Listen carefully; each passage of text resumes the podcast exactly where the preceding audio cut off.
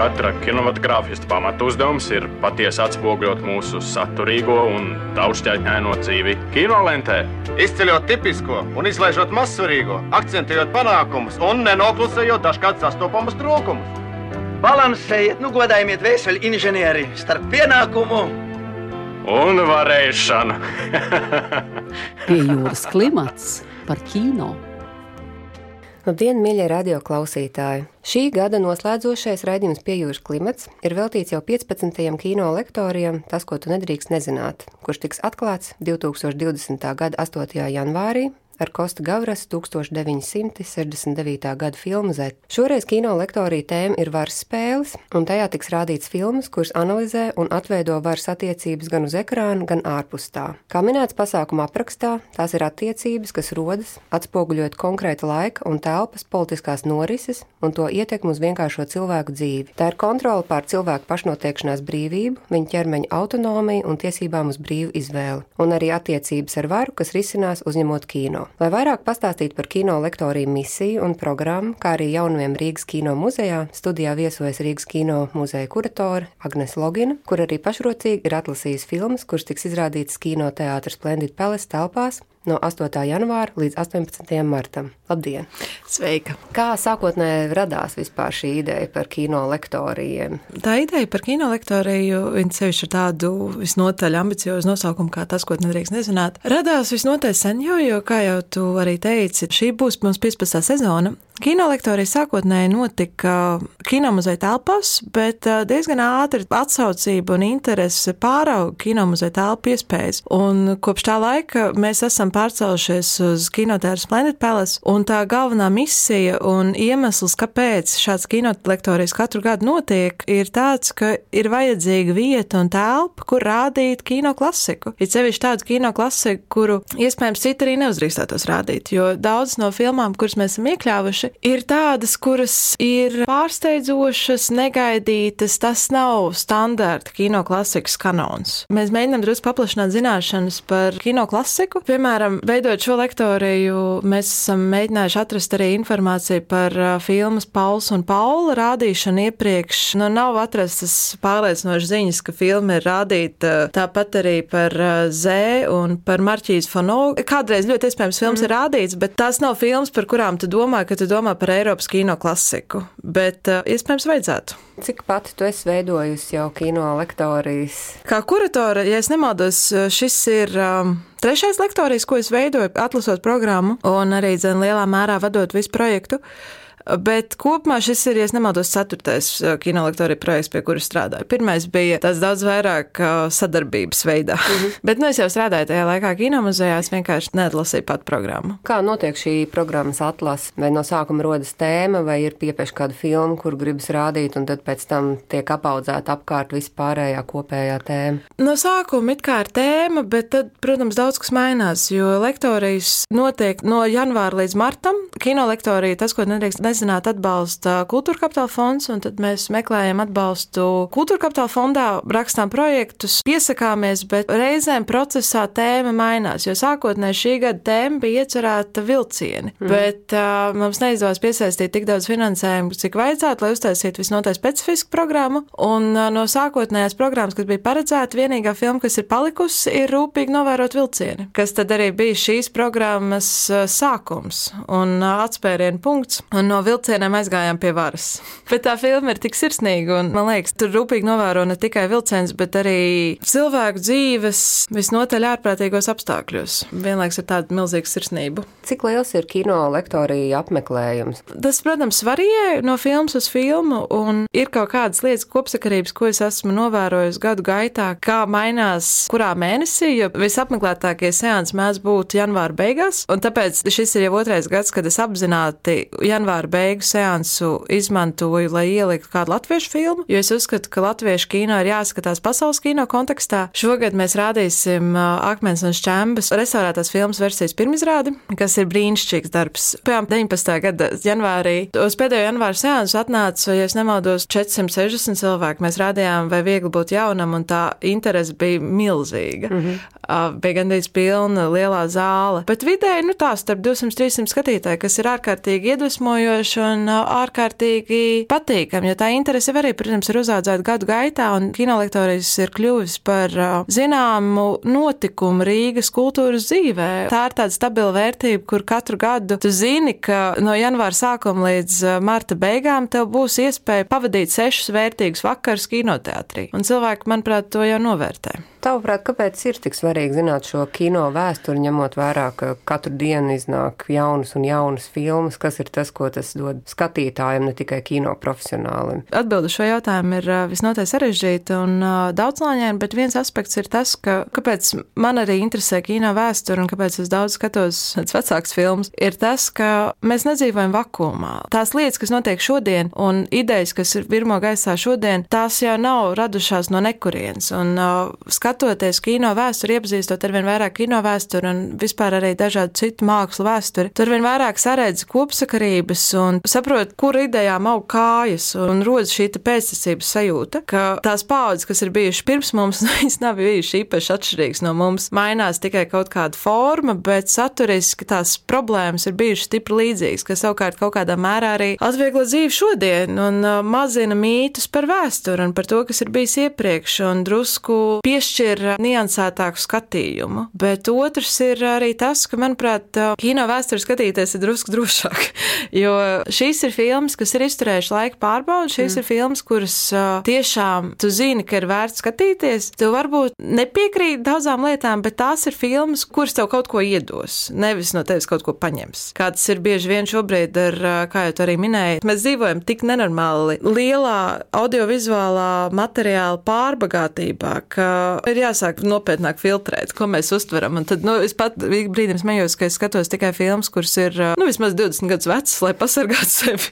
Bet, nu, tas tā pus pa jokam. Bet, jā, man liekas, ja tu nezini, kā pavadīt vakaru, iepazīties ar kinovēsturi ir noteikti droša izvēle. Runājot par filmu, kas atklās kino mm -hmm. lektoriju, par filmu Z. Es lasīju, ka šī filma ir bijusi nominēta Oskaram gan kā kāda labākā filma, gan kā labākā ārzemju filma, kas ir tāds ļoti rats precedents, un arī, ka tā ir bijusi viena no gada vis skatītākajām filmām. Kā tu varētu skaidrot šo milzīgo popularitāti, ko šī filma ieguva? Man liekas, ka tur ir uh, daudz līmeņu, kā to var skaidrot. Viens no tiem ir tas, ka filma ir 69. gads un 60. gadu beigas ir uh, pasaulē revolūcija laiks. Filma ir tiešām uztvērusi tādu revolucionāru garu. Filma ir uh, vienlaikus viss politisks thrillers, epos, mīta pētīšana kaut kādā mērā arī tur ir mazliet arī melodrāma, tā ir detektīva filma, un tur ir brīnišķīga saspēle un vienlaikus saslēdzās gan filmas tematiskā aktualitāte, gan ārkārtīgi augstvērtīgā mākslinieckā kvalitāte, gan arī dzen laiks, kurā filma tapa. Man ir drusku pārsteigums, ka šī filma ir visnotaļ maz zināma. Gatavojot lektorijas, nostājos to vēlreiz un vienkārši man vajadzēja brīžiem iepauzēt, jo filma viss ir drusku no līdzsvaru un tā jauda joprojām no ekrāna laužas ārā. Filma ir par ļoti sarežģītu vēsturisku periodu, par kur arī mēs cits starpā Latvijā diezgan maz ko zinām, manuprāt, kas ir Grieķijas politiskās norises 60. gadu sākumā. Filma dokumentē Grieķijas militārās juntas nākšanu pie varas, kas sākas cits starpā ar kādu ļoti, ļoti harizmātisku un jaunu un daudzsološu politiķu atentātu, un uh, visa filma ir uh, šī te atentāta izmeklēšana. Tās norises un tās idejas un tas, kas notiek uz ekrāna, gribētos teikt, ka tas mūsdienās vairs nebūtu iespējams, bet mēs ļoti labi zinām, ka mm. tā nav taisnība. Un uh, tas arī kaut kādā mērā mierina mūsdienu skatītājs, ka notikumi šodien nav unikāli šodienai. Pie jūras klimats par kino. Tur ir arī diezgan satīriska un skauda šī ideoloģijas kritika. Kā tu domā, cik lielā mērā vispār kino var ietekmēt kādas konkrētas ideoloģijas popularitāti? Manuprāt, kino var ietekmēt dažādos veidos. Vismaz tā ir bijis iepriekš, bet jautājums ir par to, cik ilgu laiku. Tādā ziņā viens no interesantākajiem stāstiem, ko mēs esam atraduši lektorija filmu sarakstā, ir par filmu Pauls un Paula. Tā ir Defa studijā tapusi filma, tā ir Austrumvācijas filmu studija. Tā ir viena no viņu populārākajām filmām 70. gados, kas gandrīz nenonāca uz ekrāniem tieši tāpēc, ka daži no politiskajiem līderiem ļoti nobijās no filmas, ka tā jau bija uztaisīta. Jo filma ir kaut kas tāds, ko tu absolūti negaidi no Austrumvācijas kino. Tas ir stāsts par Paulu un un Paulu.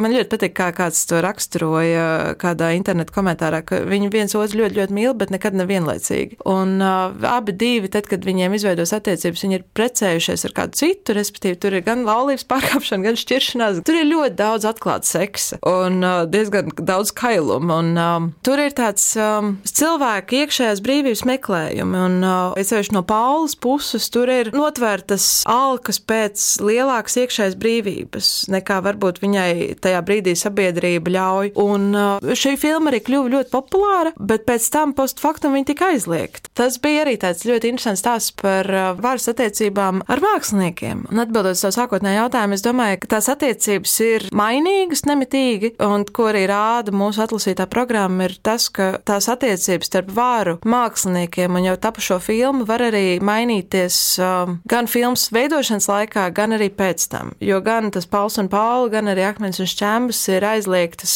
pēc tam. Akmens un Šķembas ir ļoti īsi rādīta Rīgā uz ekrāniem Pauls un Paula ilgāku laiku, bet pēc tam kaut kāda iemesla dēļ no abu filmu jaudas ir nobijušies. Tu jau pieminēji Akmens un Šķembas. Kas, tavuprāt, šajā filmā ir tāds, kas viņu padarīja tik ekspozīvu un piepeši bīstamu? Protams, kā skatoties filmu 2000. gados, man ir grūti saprast, kas ir bijis tas, kas tieši tajā laikā un telpā varas iestādēm ir licies tā, ka kaut kādas robežas pārkāpjas. Nu, tur ir dažādas vēsturiskas versijas, par kurām ir daudz arī runāts arī kinomuzeja izstādēs, un par to ir arī runāts grāmatā Rolanda Kalniņa telpa, kur uh, Aira Rozenšteina kā reiz arī rakstījusi par Rolanda Kalniņa aizliegtajām filmām un izgājis cauri šim procesam, kā filma tika aizliegta. Viņi būs arī lektori pirms filmas, un es ceru, ka viņi ieskicēs mazliet šo aizliegšanas procesu, bet tie visi argumenti, kurus esmu lasījusi, man personīgi liekas absolūti nesaprotami. Tas skatpunkts, no kur es skatos, tas ir cits, bet tagad noskatoties filmas restaurēto versiju, kaut kādā mērā es beidzot novērtēju to filmas māksliniecisko jaudu, jo vissliktākais jau mēs būtu tajā brīdī, kad uztaisīja saturiski izaicinošu filmu, kas ir arī mākslinieciski vērtīga.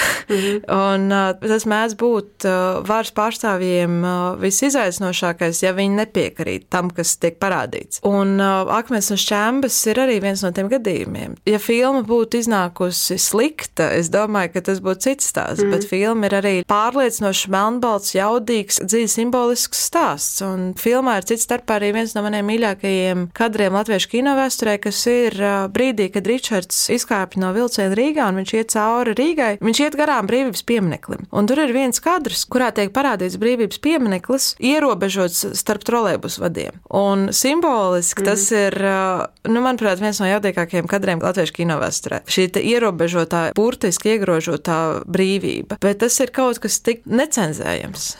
tu, protams, vari palūgt izgriezt šo kadru, bet arī mm. kāpēc? Nu, tā Jā. ir vienkārši fiksēta pilsētvide, jo mēs zinām, ka brīvības piemineklim apkārt bija trolēbus vadi, operators ir vienkārši nofilmējis to. Jā.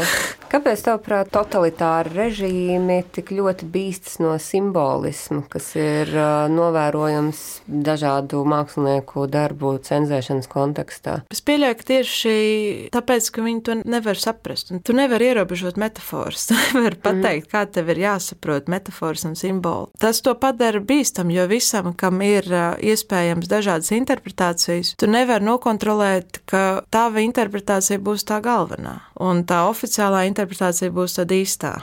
Tāpēc arī mēs zinām, ka totalitāros režīmos uzzied necenzējumās mākslas. Austrumbloku valstīs bija brīnišķīga zīmēta animācija, kur tu nevari nocenzēt. Mm -hmm.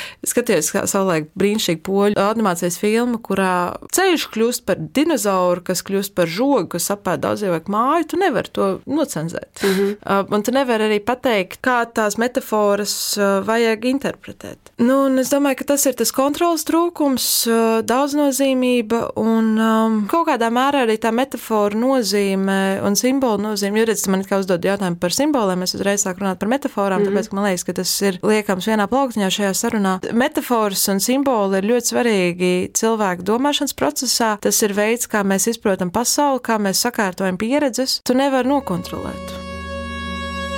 Pie jūras klimats par kino. Un kas vēl arī raksturo kino lektoriju, tas, ko nedrīkst nezināt, ir tas, ka pirms katras filmas mums ir lekcija, kas mm. arī padara filmu skatīšanos par mazliet vērtīgāku arī pieredzi, kas pamaina to, kā mēs parasti skatāmies. Jo lektori mums ir piesaistīti tādi, kur var iedot jaunu skatu punktu uz šīm filmām. Piemēram, pirmajā filmā Z mums ir Jānis Putniņš, jo šī filma ir arī dzen, ļoti svarīga filma, kas ir ietekmējusi to, kā vispār veido politiskos trillerus. Filmā ir brīnišķīga montāža. Režisors ir uh, radījis daudzus jaunus mākslinieciskus izteiksmes veidus šajā filmā, kas vēlāk aiziet uh, jau tādā mainstreamā mm -hmm. lielākā. Pirms filmas Akmens un šķēmas mums runās uh, Latvijas Universitātes pētniece Aija Rozensteina, kur ir arī publicējusies grāmatā Rolanda Kalniņa telpa par šīm aizliegtām filmām. Nu, var sakot, mēs esam atlasījuši lektorus, kuri var piešķirt šīm filmām jaunu skatījumu mm. un atklāt kādu interpretācijas niansi, kura varbūt citādāk paslīdētu garām. Un cits starpā tādā ziņā es gribētu īpaši izcelt uh, filmu Marķīs Fano, kas ir uh, 20. februārī, kas ir uh, ārkārtīgi īpatnējs, ļoti fascinējoši neaizmirstams darbs, uh, Erika Romēra filma par kādu dišciltīgu sievieti, jaunu atraitni, kura ir stāvoklī, bet viņa nezina, kāpēc, jo pēc vīra nāves, kā viņa pati daudz reizes saka, viņai nav bijis sakara ne ar kādu vīrieti, un tā kā fi eh, filmā viņa tiek aptēlota kā absolūts eņģēlis, mums nav iemeslu viņu apšaubīt, jo diezgan ātri filmā kļūst skaidrs, ka ir runa par izvarošanu. Un eh, ka pat neraugoties uz to, kāds ir viņas sociālais status, viņa ir dišciltīgas ģimenes pārstāve. Pat vienalga tādā situācijā tas sociālais eh, spiediens pret viņu arī no viņas vecāku puses ir tik milzīgs, ka viņa vienkārši tiek izmest no ģimenes. Par šo filmu, par arī vēsturisko kontekstu, par sievieti 18. un 19. Gadsimtā Eiropā runās Denis Hanovs, kas ir uh, arī specializējies 18. gadsimta pētīšanā un uh, kurš uh, varēs piešķirt uh, plašāku kontekstu, jo mm. tā ir tēma, par kuras pieļauju mēs ļoti maz zinām arī. Pie jūras klimats par kino. Kino muzejs arī ir viens no četriem muzejiem, kas tikko ir ieguvis jaunas krātuves telpas. Ko tas nozīmē muzeja patstāvīgajai ekspozīcijai? Nu šobrīd, teiksim tā, apmeklētājus tas īpaši neietekmē. Mūsu patstāvīgās ekspozīcijas telpas joprojām ir vecrīgā, bet uh, jebkura muzeja centrs, vispār eksistents pamats ir krājums. Izstāžu telpas ir uh, dekorācijas, krājums ir pamats. Un tas, ka mūsu krājums beidzot būs adekvātos apstākļos, principā īpaši īpaši tam paredzētos apstākļos un telpās, tas nozīmē ļoti daudz ko. Ja tas pirmkārt nozīmē to, ka mēs varam saglabāt kino vēsturi, kas ir muzejam uzticēta, mēs varam to saglabāt tā, lai tas tiešām ir ilgtermiņā, jo līdz šim mūsu apstākļi ir bijuši nepārāk ideāli, mm. lai neteikt vairāk. Un tad šobrīd nu, tās pulkielas telpas, nu, tās ir paredzētas īpaši muzeja krājumiem. Līdz ar to tur ir gan mikroklimats, gan uh, mitrums tiek kontrolēts, gan temperatūra, tas viss tiek kontrolēts pilsētas. Un um, no otras tas, ka mums ir beidzot arī vairāk vietas, jo līdz šim mūsu krājums ir bijis ļoti ierobežotā vietā, kas nozīmē to, ka mēs daudzus objektus nevaram paņemt. Ieskaitot uh, tehniku, mums ir bijušas problēmas arī ar tērpiem reizēm vai jebkādiem rekvizītiem. Šobrīd mēs to visu varam adekvāti turēt. Līdz ar to tas ir ne tikai tas, ka mēs varam turpināt uzlabotos apstākļos saglabāt uh, to, kas mums jau ir, bet mēs principā varam šobrīd izvērst arī to, ka mēs sākam uh, vairāk um, krāt uh, šī brīža kino vēsturi. Mm -hmm. Jo tas, kas šodien ir uz ekrāniem, tā būs ļoti svarīga kino vēstures daļa pēc pieciem, desmit gadiem. Līdz ar to es gribētu arī īpaši aicināt um, visus, kuriem ir uh, kādas kino liecības, it sevišķi kino veidotājus, sazināties ar mums un nodot. Jo skaidrs, ka daudz kas ir šobrīd uh, atšķirīgi, skaidrs, ka ir mainījusies kino veidošana. Piemēram, ja padomju laikā filmām, kas tapa Rīgas kinostudijā, bija bija dažādi veidi scenāriji. Bija režisora scenārija, bija operatora scenārija, bija tiešām tādi dokumenti. Mm -hmm. Filmām tapa objektu kartītes, kur tika roku principā zīmētas vietas, kur pilsētā tiks uh, filmēts. Tie ir diezgan brīnišķīgi, no ar zīmoli veidot zīmējumi. Nu, skaidrs, ka nekas tāds šobrīd vairs netop, un ka principā ļoti daudz materiālu ir uh, tikai elektroniski, bet uh, vienā vai otrā veidā mums ir jāturpina saglabāt arī mūsdienu vēsturi. Un cik atsaucīgi vajadzīgi ir mūsdienu kino veidotāji? Principā šobrīd skaidrs, ka interese ir pieaugusi, jo tās telpas ir diezgan brīnišķīgas, un skaidrs, ka tas raisa arī lielāku uzticību, bet problēma mēdz būt arī tāda, ka cilvēki ir um, pārstrādājušies visu laiku, un tad attiecīgi tev varbūt nav arī bieži vien laika pareflektēt, kas ir tas svarīgākais savilk, kopsavilkums pēc filmas pabeigšanas, te uzreiz jau sāks nākamais projekts, un es domāju, ka tieši šī aizņemtība ir lielākais izaicinājums mm. krājuma papildināšanā, jo cilvēki visu laiku veido filmas, visu laiku ir koprojekti, ir kaut kādas lietas, kas tiek veidotas, tad tur projekti netop par filmām beigās, un tā kā laika ritens ir tik milzīgs, ka brīžiem pat nepaman, ka ir pagājuši jau 5 gadi, un tu vēl joprojām neesi nodevis varbūt mm. tos materiālus, kurus tu gribēji. Bet uh, es gribētu rosināt, uh, rast laiku, lai tiešām izsvērtu, jo tas ir, uh, tas ir veids, kā saglabāt par sevi informāciju un par savu darbu. Jo šobrīd ir ļoti vienkārši arī, ja tava filma ir bijusi kādu brīdi kinoteātrī, ja viss, kas par tavu darbu paliek, pārziņas, kas ir atrodams uh, Google meklētājā, tas nav baigi paliekoši. Mm. Pie jūras klimats par kino. Vai ir jau kaut kādas idejas nākamajam, jau kino lektoriem vai kaut kāda plāna nākamajam gadam? Vēl nē, parasti tās idejas rodas procesā, sarunājoties ar apmeklētājiem, skatoties, kas notiek, jo skaidrs, ka lektorija tēmas izkristalizējas procesā un ka tas viss ir arī reakcija uz to, kas notiek. Šobrīd man likās tiešām svarīgi runāt par varu, jo mēs dzīvojam viegli biedējušos laikos.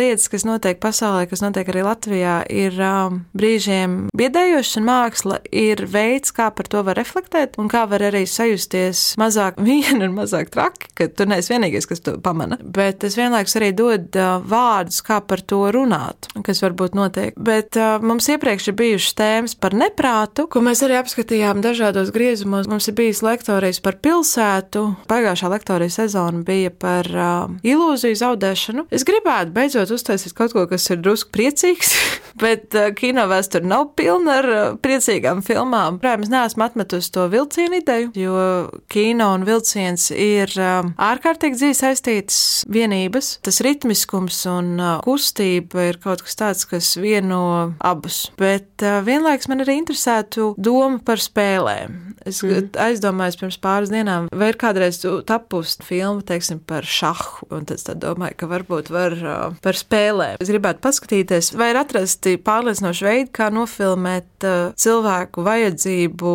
pēc spēlēm, balstoties uz uh, homolūdens ideju. Bet to es vēl neesmu attīstījusi. Pirmais ieskats idejā. Bet, nu jā, tas var būt gan kaut kas varbūt saistībā ar tiem vilcieniem, gan, uh, gan ar šo te spēles elementu. Bet es esmu arī kādreiz domājis par melodrāmām, jo tas ir ļoti interesants žanrs, kas ir nepamatot noniecināts. Jo melodrāma savulaik bija arī formāts un žanrs, kas runāja par sievietēm aktuālām problēmām, par kurām nopietnais autor kino nerunāja. Filmu, kur mēs pagājušajā gadā rādījām, uh, Douglas Sērka melodrāma, tiešām par to arī runāju. Ko darīt, kad tu esi jauna atraitne, un sabiedrība saka, ka tev principā ir jānoveco jau tagad, bet tu gribi dzīvot, un tu gribi turpināt savu dzīvi kā veselīgs cilvēks, bet tev īsti nav tāda varianta, un tad vienīgais, ko tu vari darīt, ir radīt pats savus noteikumus. Bet snobiskais autorkino par to reizēm mm. nerunā. Paldies Jā. par sarunu. Paldies par uzaicinājumu, un nāciet uz lektoriju.